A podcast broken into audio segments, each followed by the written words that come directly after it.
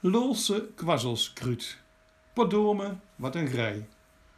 Eind tachtiger jaren vonden de gebroeders Hendricks, na een langdurige en kritische zoektocht, een geschikte kruidenbitter ter aanvulling van het assortiment van de slijterij.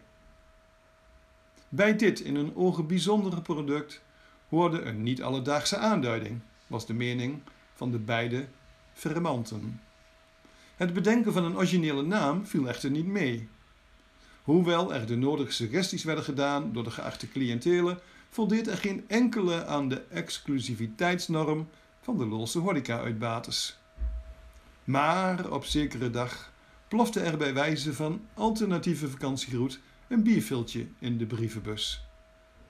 Dit uitzonderlijke poststuk kwam uit Valkenburg, alwaar Jan S. en Benno R. jaarlijks op werkbezoek pleegden te gaan, en was ondertekend met de kwazzels. Deze ongewone ondertekening bracht de gebroeders op het idee hun kruidenbitte kwazzelskruut te noemen.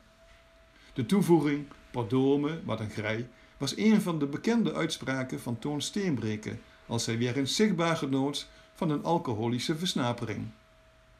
Het losse kwazzelskruut is in de loop der jaren een vermaand handelsmerk en promotieartikel voor geworden. Als een klant de juiste benaming niet zo snel te binnen schiet, vraagt hij of zij meestal na het pardomegrij. PS. Het woord kwazzel komt niet voor in de officiële woordenlijst van de Nederlandse taal. Het is volgens de volksmond een typische Lolse uitdrukking die de betekenis heeft van onnozele hals of niet al te serieus te nemen personage.